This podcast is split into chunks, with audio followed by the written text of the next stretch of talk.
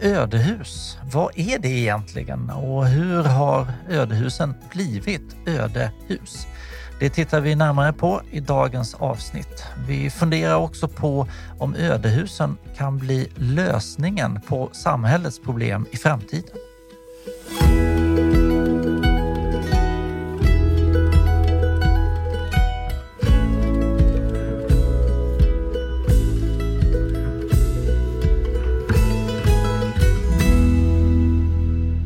Välkomna till Landpodden. Jag heter Joel Lindroth, jag är chefredaktör på tidningen Land och det är tidningens redaktion som gör den här podden.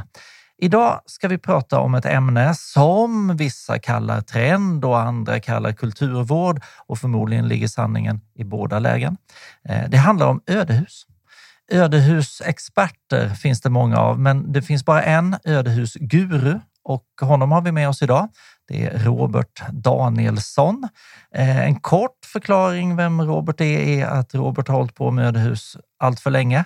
Han har skrivit böcker om ödehus. Han har en, ett projekt som heter Landsbygdsdröm som handlar om ödehus och eh, uttalar sig i stort sett varje dag om ödehus och nu ska han få göra det även i Landpodden.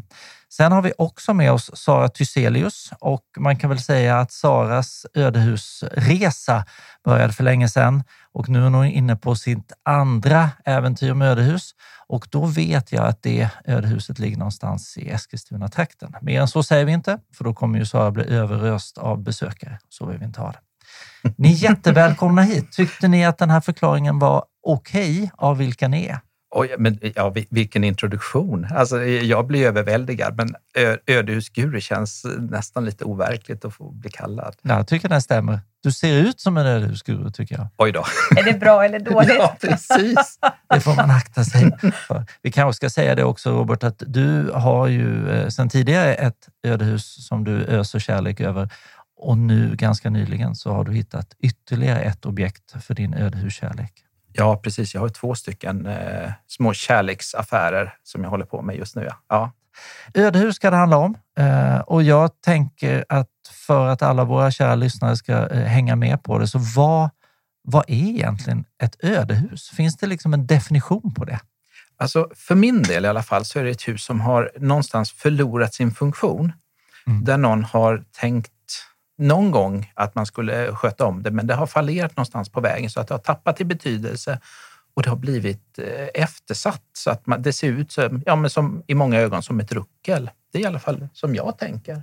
Det kanske fortfarande är folk som äger det, familjer som äger dem, men de inte nyttjas som permanentboende eller ett, kanske ett fritidshus i någon form, men att de inte, man har inte möjlighet eller vilja att vara där längre. Ett, något hus som har hamnat lite i kläm. Mm, precis, som yes. kanske står illa till eller just som används alldeles för lite som skulle kunna användas som ett året runt boende kanske. Finns det liksom någon, någon, något antal år som krävs för att ja, men det där är ett ödehus? Nej, egentligen inte. Um, normalt sett så tror jag vi tänker på att, att huset har stått tomt väldigt länge. Alltså vi pratar lätt om 30, 50, 70, 100 år. Men det räcker till exempel med att, att det har varit en, en, ehm, en tragisk händelse, ett dödsfall till exempel, så, så kan det bli ett ödehus ganska snart.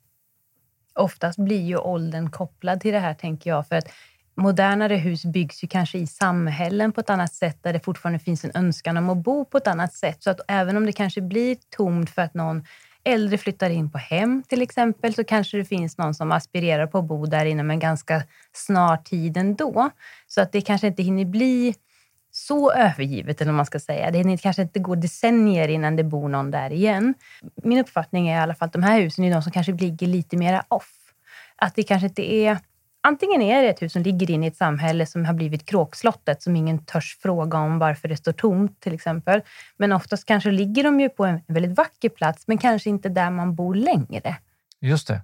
Ja, men för det är det jag tänker, liksom, att vi Eh, tidningen Land handlar ju alltid om liksom landsbygdsperspektivet eh, och vi kan väl konstatera eh, utan att göra allt för stort våld på sanningen att de flesta av de ödehusen som vi pratar om idag Eh, är i landsbygd eller till och med i, i glesbygd på ett eller annat sätt. Och man, man kanske också kan slänga ut en, en, en liten lassosnara och säga att intresset för de här ödehusen verkar i alla fall utifrån en, ett, ett lekmans, en lekmans perspektiv ha ökat ganska mycket de senaste åren. Eh, och då är den självklara frågan, ett, är det så? Och två, varför är det så? Eh, jag skulle nog säga att det är nästan lavinartad utveckling eh, när det gäller intresset av ödehus. Det har ju gått ifrån en eh, situation där, där folk för mer än hundra år sedan skulle flytta från landsbygden in till städer. Det, det urbana samhället där man inte längre skulle då jobba på lantbruk och så. Därefter så har det också varit väldigt stora markuppköp och vi ser i väldigt många olika utsträckningar att de här stora bolagens markuppköp kanske inte är till gagn för landsbygden. Framförallt så är det allt färre som har möjlighet att bo där fast husen står där. Och sen har vi också den förändringen att, och den tror jag är väldigt intressant, framförallt för lands läsare, det är att eh, den gamla bondegenerationens syn på husen är inte densamma som den unga generationen, om vi säger 25, 30, 35, 40 år. Mm. De har en helt annan syn på hur man ska leva på landsbygden och hur man får ihop livet på landsbygden med sitt eh, arbete. Där måste jag bara sticka emellan med mitt första eh, ödehusprojekt. Man säga. Det var ju ett avstyckat gammalt syskonlantbruk. Mm. En bror och en syster som hade bott där tillsammans med sina generationer av syskon och föräldrar under många år Eh, och till slut inte kunde driva det vidare. Och Det var en sån klassisk medelstor lantbruk. För stort för att ha som månskensverksamhet, så att säga, eller, och för litet för att kunna leva på heltid. För att de större bönderna runt omkring kunde ju köpa marken till ett bättre pris, så att säga, där de kunde uppta det i resten av sin övriga stora verksamhet. Men det blev för dyrt för någon som kanske skulle vilja ha ett lantbruk. Så det styckades ner till en hästgård med bara några få hektar, bostadshuset och ett gäng uthus. Eh, och där stod jag och min barnens pappa, då, jag var 23 år gammal och bara ja, här vill vi bo. Och bönderna runt omkring trodde vi var dumma i huvudet, för de tänkte ju elda upp huset. Vad ska vi med det där rucklet till? Stycka av marken, sälj det vidare, sätt fjutt på huset och sen är saken biff. Och vi bara, nej, nej, nej, det här blir fint. In med morakniven i kärnvirket. Det här ordnar vi sen. Och de hade ju nästan vadslagning på byn om liksom, när, hur länge kommer de stå ut.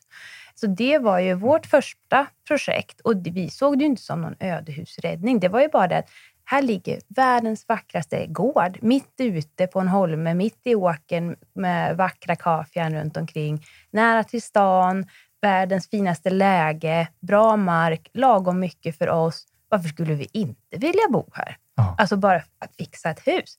Ja, det är, det är en livsstil, men det är ju i allra högsta grad görbart. Men om man stannar upp, upp där lite, hur länge sedan var detta?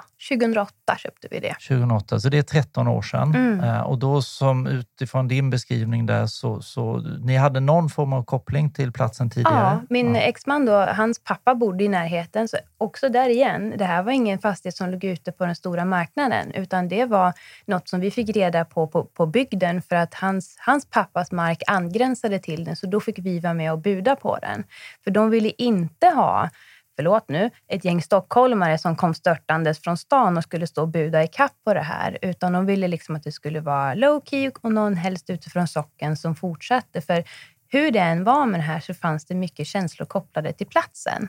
Och Det kommer vi komma in på, men det är en väldigt varsam process på så många sätt runt de här fastigheterna. Ja, men, och, och där har vi ett väldigt konkret exempel och vi kommer ju säkerligen komma tillbaka till flera sådana. Eh, men jag tänker om man, om man skulle... Finns det någon möjlighet att liksom uppskatta antalet ödehus? För den historien som du beskriver där, den tror jag att väldigt många eh, känner igen. Man har liksom släktkopplingar eller man har andra typer av kopplingar och helt plötsligt så dyker det upp ett hus som ingen har bott i på 20, 30, 40 år och så måste man ja, ta ställning till vem är det som ska ta hand om det här eh, framöver? Men vad är antalet ödehus i Sverige idag? Det beror på lite grann hur man definierar just. Och eh, skulle vi tänka att, att det är ett hus som skulle kunna fungera som ett året runt-boende så har Statistiska centralbyrån räknat ut att det finns ungefär 200 000 hus utifrån deras taxeringar och deras beskrivningar där ingen är folkbokförd. Så att 200 000 hus, det är rätt många. Ja, det är det ju. Och samtidigt så känns det ju inte liksom helt galet många. Men då, vissa av dem ligger några mil från närmsta tätort och andra ligger förmodligen otroligt långt ifrån liksom bebyggelse. Eller, så att man förstår att det är spritt över hela landet. Då, helt enkelt. Det stämmer ju. För min del så hände det någonting egentligen med flyktingvågen 2015. Det var då när ett stort antal flyktingar kom från Syrien och det blev i stort sett bostadsbrist i stort sett hela landet och landets kommuner ställde sig frågan, de gick ut öppet också, hur ska vi lösa det här? Och då kom ju de här tomma husen. Det var egentligen då jag började, precis på, på senhösten 2015 och se att ja, men det här finns ett jättestort uppdämt behov. Och de här husen finns ju runt om i landet och man försökte ju också fördela ut alla flyktingar över hela landet. Eh, och det gjorde ju sen också att så många kommuner engagerade sig. I dagsläget så är det, jag tror det är 50-60 kommuner minst som håller på att försöka att både inventera och förmedla ödehus på grund av att, att eh, det är en resurs som redan finns, som står, så att säga, som i många fall är välbyggd och som skulle kunna med ganska små medel sättas igång.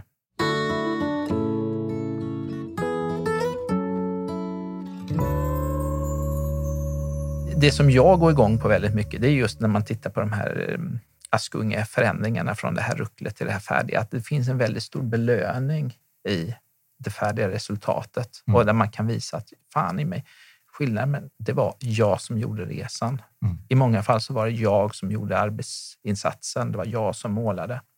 Men det där med tidsperspektivet, jag måste ju då kasta in det, mitt nuvarande projekt som en ytterlighet till det här andra 15-årsperspektivet. Och man bor ju med de här husen. Husen fattar ju många beslut åt en med dess konstiga vinklar och vrår och saker som inte går att rucka på och inte ska ruckas på. Återigen är ju varsamhet nyckelordet i, i mångt fall. Men i mitt senaste projekt så tog det ju drygt nio månader från att jag köpte det till att jag besiktade om det. Så ja, ja, det är ju en egen... lite extrem ja, också. men i det här fallet så var det ju så att runt de här husen när man köper dem så är de ju ofta så dåligt skick att det är sällan eller aldrig som du kan få ett vanligt huslån på dem. Du kan heller inte få en byggkredit. För att det är inte ett bo, alltså, du kan inte bo i huset. Så bankerna har svårt att stoppa in det här i någon form av rimlig kategorisering. Vilket gör att i mitt fall fick jag ett vanligt lån med en ganska redig ränta på. Och det här var då när jag separerade från barnens far. Jag ville bo kvar ute i bygden. Jag hade cyklat förbi det här stall, eh, huset på väg till stallet i 20 års tid, av och till under min uppväxt. Eh, och under tiden vi har bott där själva och känt bara att varför är det ingen som tar sig an det här vackra huset? Och varje gång det ruskade och blåste ute så svepte träden med sina kronor i taket så tegelpannorna låg i trädgården och skorstenarna var av och så vidare. och Så vidare. Så hur som haver så slutade med att jag eh, skrev brev till han som ägde huset och förklarade vem jag var och vad jag skulle vilja göra med huset, om det fanns en möjlighet att få ta sig an det. Och efter en lång och varsam process så landade vi i att jag fick köpa det. Stor lycka att en, liksom få ta sig an den här pärlan och, och att få bo kvar. För att det är bara en dryg kilometer till barnens far och de kan cykla emellan oss. De har farfar runt hörnet. Det är superhärligt och jag trivs verkligen där vi bor. Men det kostar pengar. Det är sällan så att den stora utgiftsposten är inköpet av huset. Det är oftast renoveringen och investeringen som är det.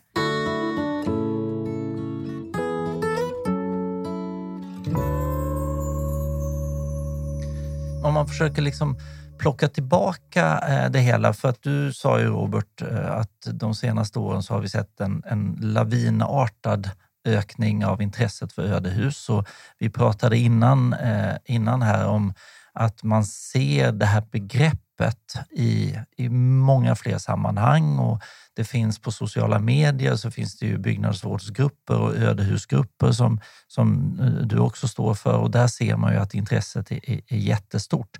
Och jag tänker någonstans, förutom de här liksom, eh, vad ska man säga, samhälleliga rörelserna som vi har hållbarheten som en sån. Du var inne på eh, flyktingströmmen eh, 2015 eh, som på något sätt började. Vi har kommuner som tittar på det.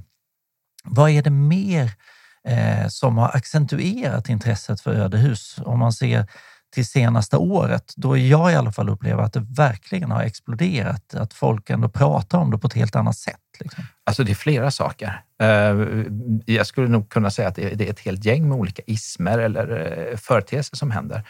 Eh, en sak som också har hänt väldigt tidigt var ju att den stora 40-talistgenerationen gick i pension, vilket innebär att ett stort antal tjänstemannatjänster helt plötsligt blev vakanta runt om i, i landet, vilket innebar att man kunde göra karriär på landsbygden också. Sen har ju också våra digitala medier gjort tillgången till fiber och så vidare gjort att vi jobbar på ett helt annat sätt sedan några år som också har ändrat egentligen synen på vår arbetsplats. Att det är ingenting man kanske behöver åka till utan man har det på köksbordet. Och lägg på då pandemins effekt på just precis det där. Mm. Och du har ju en enorm katalysator på digitaliseringen och som också vänder upp och ner på begreppet Behöver vi ha de här kontorslokalerna på norra sidan Stockholm? Behöver vi sitta och pendla till kontoret fem dagar i veckan? Det går ju tydligen ganska bra att jobba hemma också. Mm. Precis. Och sen är det också även hela klimatrörelsen där man har ställt konsumtionen som ett, eh, ett dåligt tecken på eh, hur man lever. Alltså att stadslivet bygger så mycket på konsumtion och där egentligen sådana enkel sak som att till exempel att inte åka till arbetsplatsen för att man har jättebra uppkoppling, kan sitta med sin dator hemma eller utföra sina arbeten i närheten har gjort att det, det, påverkar också vår syn på till exempel resande och hur det påverkar klimatet. Att jag tror att det har blivit en ögonöppnare på många sätt. Sen finns det också den här eh, gruppen som vill skala ner, till exempel, som har gjort bostadskarriär till exempel. Det finns den här så kallade preppestrenden, de som bygger eh, skyddsrum och tror på att det ska komma någon form av kris eller katastrof. Och de här sakerna tillsammans gör att man ser de här husen som en resurs och inte en belastning. Och det, ska jag säga, det är den stora förändringen här sen fem år när jag började den här resan 2016. Då var det ett problem och då fick också Boverket ett uppdrag från regeringen att man skulle utverka så att säga tvångsmedel för att riva hus på fastighetsägares bekostnad. Där vi inte alls längre, utan helt plötsligt så ser man det som en otroligt bra resurs. Ja, men för, för, för det, det förstår man ju när man liksom följer den här diskussionen och debatten att eh, när ni köpte ert för, första hus så sa man att Nej, men det där är väl lika bra att bränna ner till att det idag är ja, en möjlighet eller till och med liksom en stöttning av liksom den samhälleliga utvecklingen på något sätt. Och Det där är ju jätteintressant, för det eh, måste man ju förstå mer. Vad, vad är det som gör att, att, att ödehusen på något sätt kan göra eh, Sverige bättre? Ah, det finns några mekanismer till då och det är ju att bostadsbyggandet, nyproduktionen har ju haft väldigt stora problem. Det blev väldigt, väldigt dyrt att bygga nytt. Och ehm, då helt plötsligt så finns de här tomma husen då som en resurs som vi har pratat om. Men man ska se det så här att varje ny familj som kommer till en bygd bidrar så mycket till den lokala ekonomin. Man säger så här att efter import, efter skatt, efter investering så finns det kvar ungefär 80 procent av nettoinkomsten. Och den återgenereras i den lokala ekonomin att man köper varor och tjänster, vilket innebär att mataffären, elektrikern eller den lokala näringsidkaren får del av de här pengarna och de återgenereras igen i det lokala systemet så att en familj kan göra väldigt stor skillnad.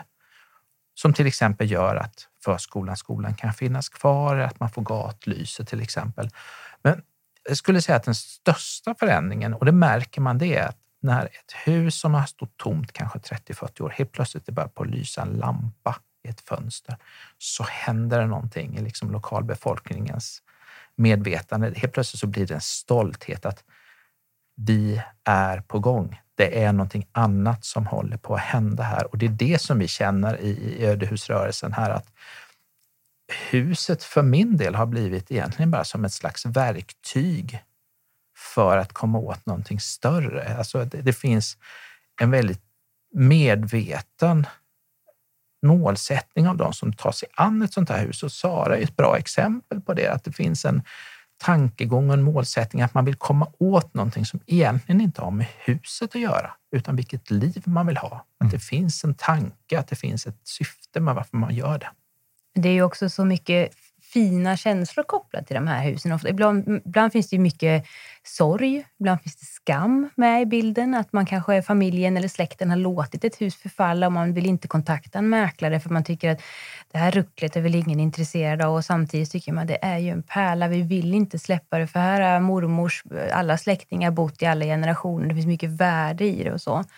Eh, och, och det märker man ju också mitt hus som jag bor i nu ligger längs med en väg som går genom byn och det, det är viss trafik igenom där, folk som bor ute i socken. Och när jag satte upp de första julstjärnorna, det var mitt i brinnande byggkaos. Alltså det var grejer överallt och byggställningar och hela trädgården såg ut som jag vet inte vad.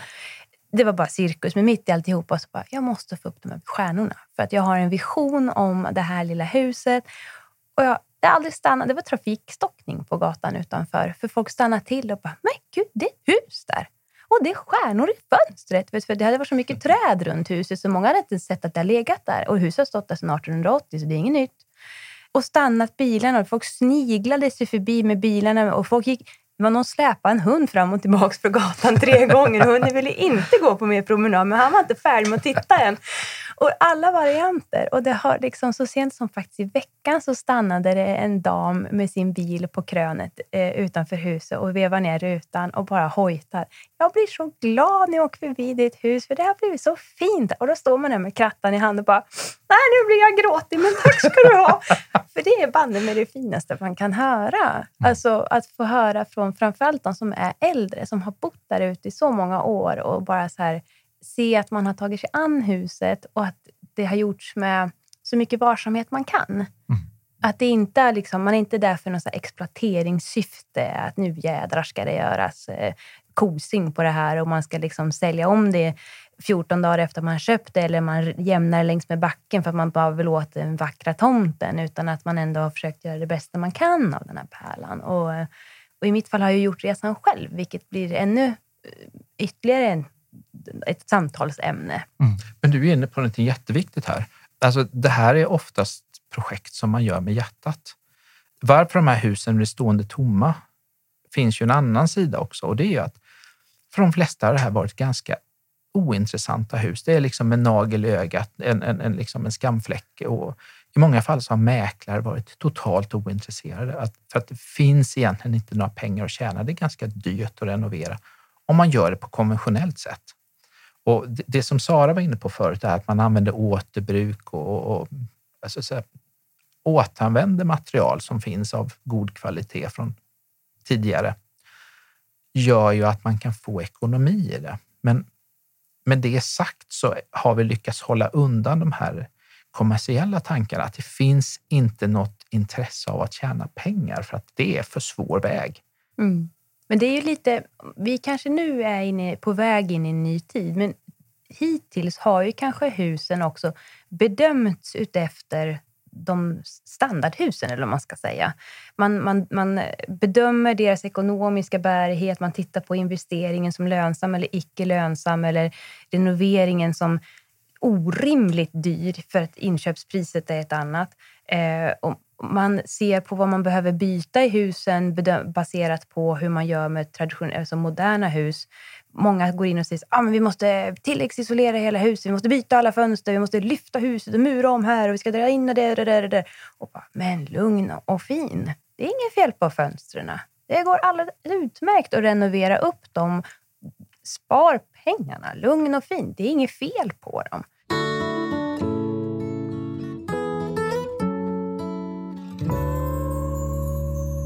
När man pratar om det här så är det ju ena sidan så är det ju på något sätt den här som ni ju båda beskriver och som på något sätt känns som en förutsättning, stora kärleken till om det sen är skönheten i huset eller eh, platsen eller känslan av att det är någonting äkta, genuint eller att, det är, att man på något sätt ger eh, ett, en en bedagad skönhet, en, en ny chans eller vad man ska säga.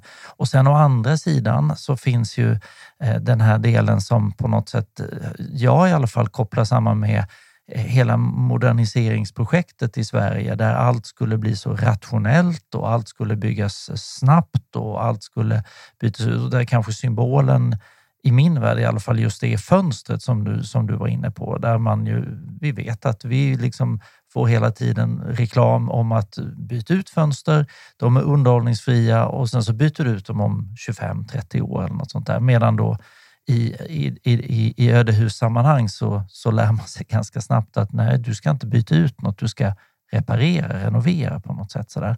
Eh, och sen finns det ju massa olika delar där, däremellan.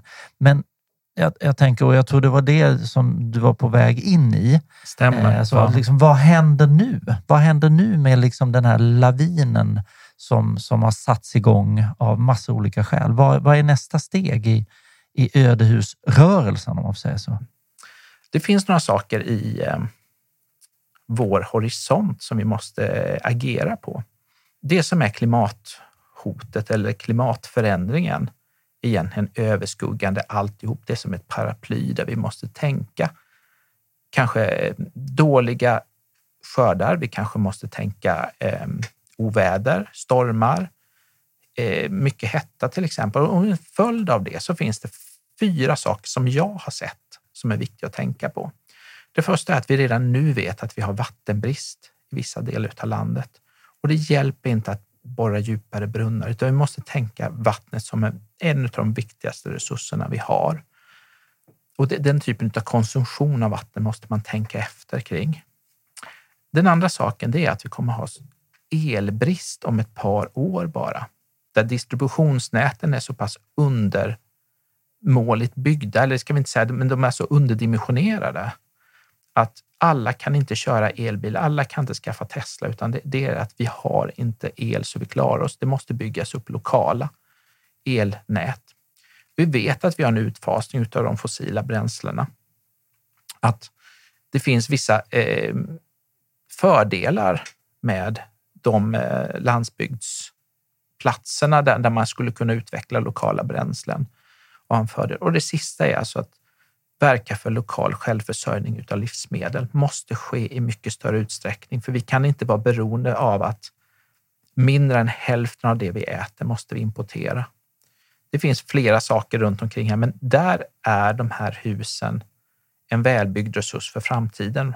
Och där tror jag att landsbygden spelar en mycket, mycket viktigare roll än vad den har gjort tidigare. Jag menar, om 2015 var en wake-up call kring hur löser vi det här och därmed då skina ljus på ödehusen som en möjliggörare och en tillgång. Det perspektivet har ju inte försvunnit och det kommer ju inte heller att försvinna i det närmaste. Det här är ju ingen trend som är lite hippt just nu och sen kommer den försvinna. Det kommer ju för evigt finnas folk som tycker att det här är en tillgång. Sen kanske det inte passar alla. Någon kanske köper ett sånt här eh, objekt och tycker att det var fullkomligt övermäktigt och ingenting fungerar och nu ruttnar man bara på hela grejen. Nu får det vara. Absolut, så kommer det säkert att bli. Och det är fine. Men jag tror att det, det här är en, en möjliggörare på så många sätt, verkligen. Oavsett egentligen vad man har för kanske incitament, som du är inne på Robert. Det finns ju flera olika perspektiv på det här. Mm. Um, så tror jag att det för evigt kommer att vara en möjliggörare. När man tar en sån till synes ganska enkel eh, grej, ämnet ödehus, och så kan man ju då se det som ja, men det är en trend och det är klart att nu i liksom coronatider, man kan bo var som helst och det finns fiber och, och allting sånt. Men alla som lyssnar på det här hör ju att det är så oerhört mycket mer komplext. Eh, jag hoppas ju att man inte blir avskräckt. Eh, alltså att man, man måste, men det är, det, är ju, det är det här som är så intressant, att det finns en rörelse. Den rörelsen Eh, bygger såklart på en massa olika historiska händelser och nu så befinner vi oss i det här och någonstans så, så ser vi att det finns liksom en, eh, jag ska inte säga en ljusning, men det finns i alla fall en väldigt positiv uppsida på det som man inte i förstone ser när man ser liksom det här fina kråkslottet med eh, pärlspont och med tinna och torn eller någonting sånt. För att det, det står för så mycket mer. Kärleken kan liksom bli en ja, en, en, en, en rörelse till ett, till ett bättre samhälle på något sätt. Sådär. Eh, och det tror jag att vi har lyckats kapsla in här. Det, det enda som jag tänker att vi, vi måste ha med oss också, att om man nu eh, skulle hitta ett sånt här ödehus eller vara sugen på ett ödehus, kan ni ge några råd till en, en eh, intresserad köpare av ett ödehus? Hur ska man närma sig ett ödehus med respekt och som ni har sagt varsamhet? Eh, hur, hur, gör man? Liksom? Och, och nu, är, nu är det, det första som ska sägas är att det, man måste alltid ha den högsta respekten för den som äger huset. Det finns alltid en juridisk ägare. Det är inte bara att klampa in. Och det är också eh, det är olagligt att gå in i någon annans hus utan tillstånd. Eh, så vi måste börja där. Och ehm, det är också så att i de flesta fall finns sådana här hus inte på några mäklarsidor. Än, ska vi säga. Det, det har blivit senaste månader faktiskt massor med klickraketer. Så fort en mäklare har sålt ett hus så har det blivit otroligt uppmärksammat och det är ju för att det är så modeladdat just nu med ödehus. Men om vi ska gå till själva huset som sådant, och här får ju, får ju Sara sufflera då.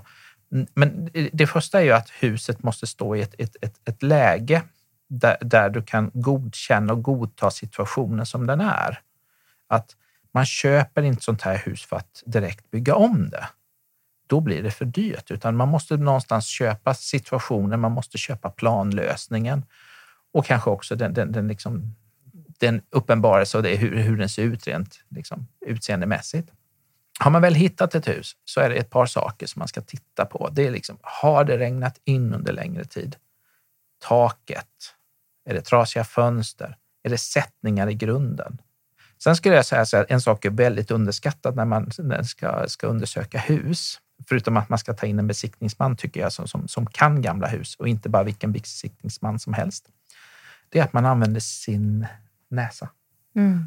Eh, näsan säger väldigt mycket om hur ett hus mår.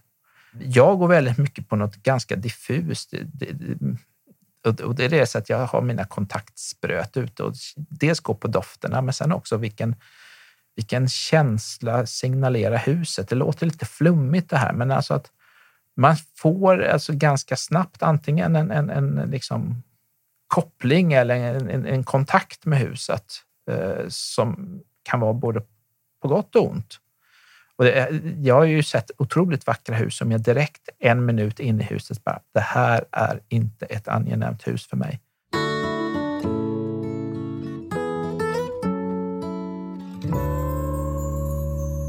Alltså nu tror jag vi har avrått nästan all, alla nej, intresserade här. Nej, nej, nej, men vi vill inte att folk ska köpa en obehaglig överraskning för då kanske det kommer snarare som en, en tråkig erfarenhet. Att man känner så här, varför var det ingen vuxen som sa något? Mm.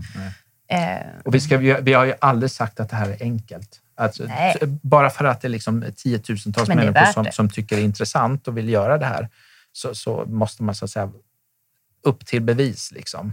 Och, och... Ja, men jag, tänk, jag tänker också det, för det är ju det som är eh, det intressanta. Att det som börjar med liksom en kärleksaffär på något sätt, det vet man ju, alla kärleksaffärer blir ju verkliga eh, real... Vardag. Ja, men det, kärleken blir vardag och då måste man ju också i sådana här sammanhang, precis som i kärlek, så måste man ju också eh, har tänkt igenom det hela. Och det tror jag att ni har lyckats att förmedla. Vi har liksom tittat på trenden, som vi inte vill kalla det, men vi har tittat på verkligheten. Vi har tittat på kontexten eh, som ligger bakom och vi har tittat på framtiden och det är väl ungefär det som kan vara ambitionen. Ehm, och jag tänker eh, Sara Thyselius eh, och eh, Robert Danielsson, Tack så hemskt mycket. Var, Sara, hittar man dig på sociala medier om man vill följa ditt husbyggande? Enklast är nog Instagram. Då heter jag Sara Thyselius Dexner. Mycket enkelt, tack för det. Och Robert, var hittar man dig om man vill följa din verksamhet? Eh, antingen så gör man det på Robert Danielsson Skribent eller på Landsbygdsdröm. Och sen har vi också vår Facebookgrupp Jag räddar ett ödehus där det också hänger en hel del. Och det kan man väl rekommendera alla eh, lyssnare eh, att eh, gå in och följa er, för då kommer man att få dels de här kärlekshistorierna, men också den bistra verkligheten eh, bakom.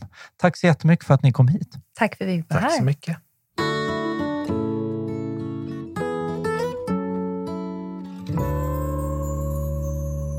Du har lyssnat på ett avsnitt av Landpodden, en podd som görs av redaktionen på tidningen Land.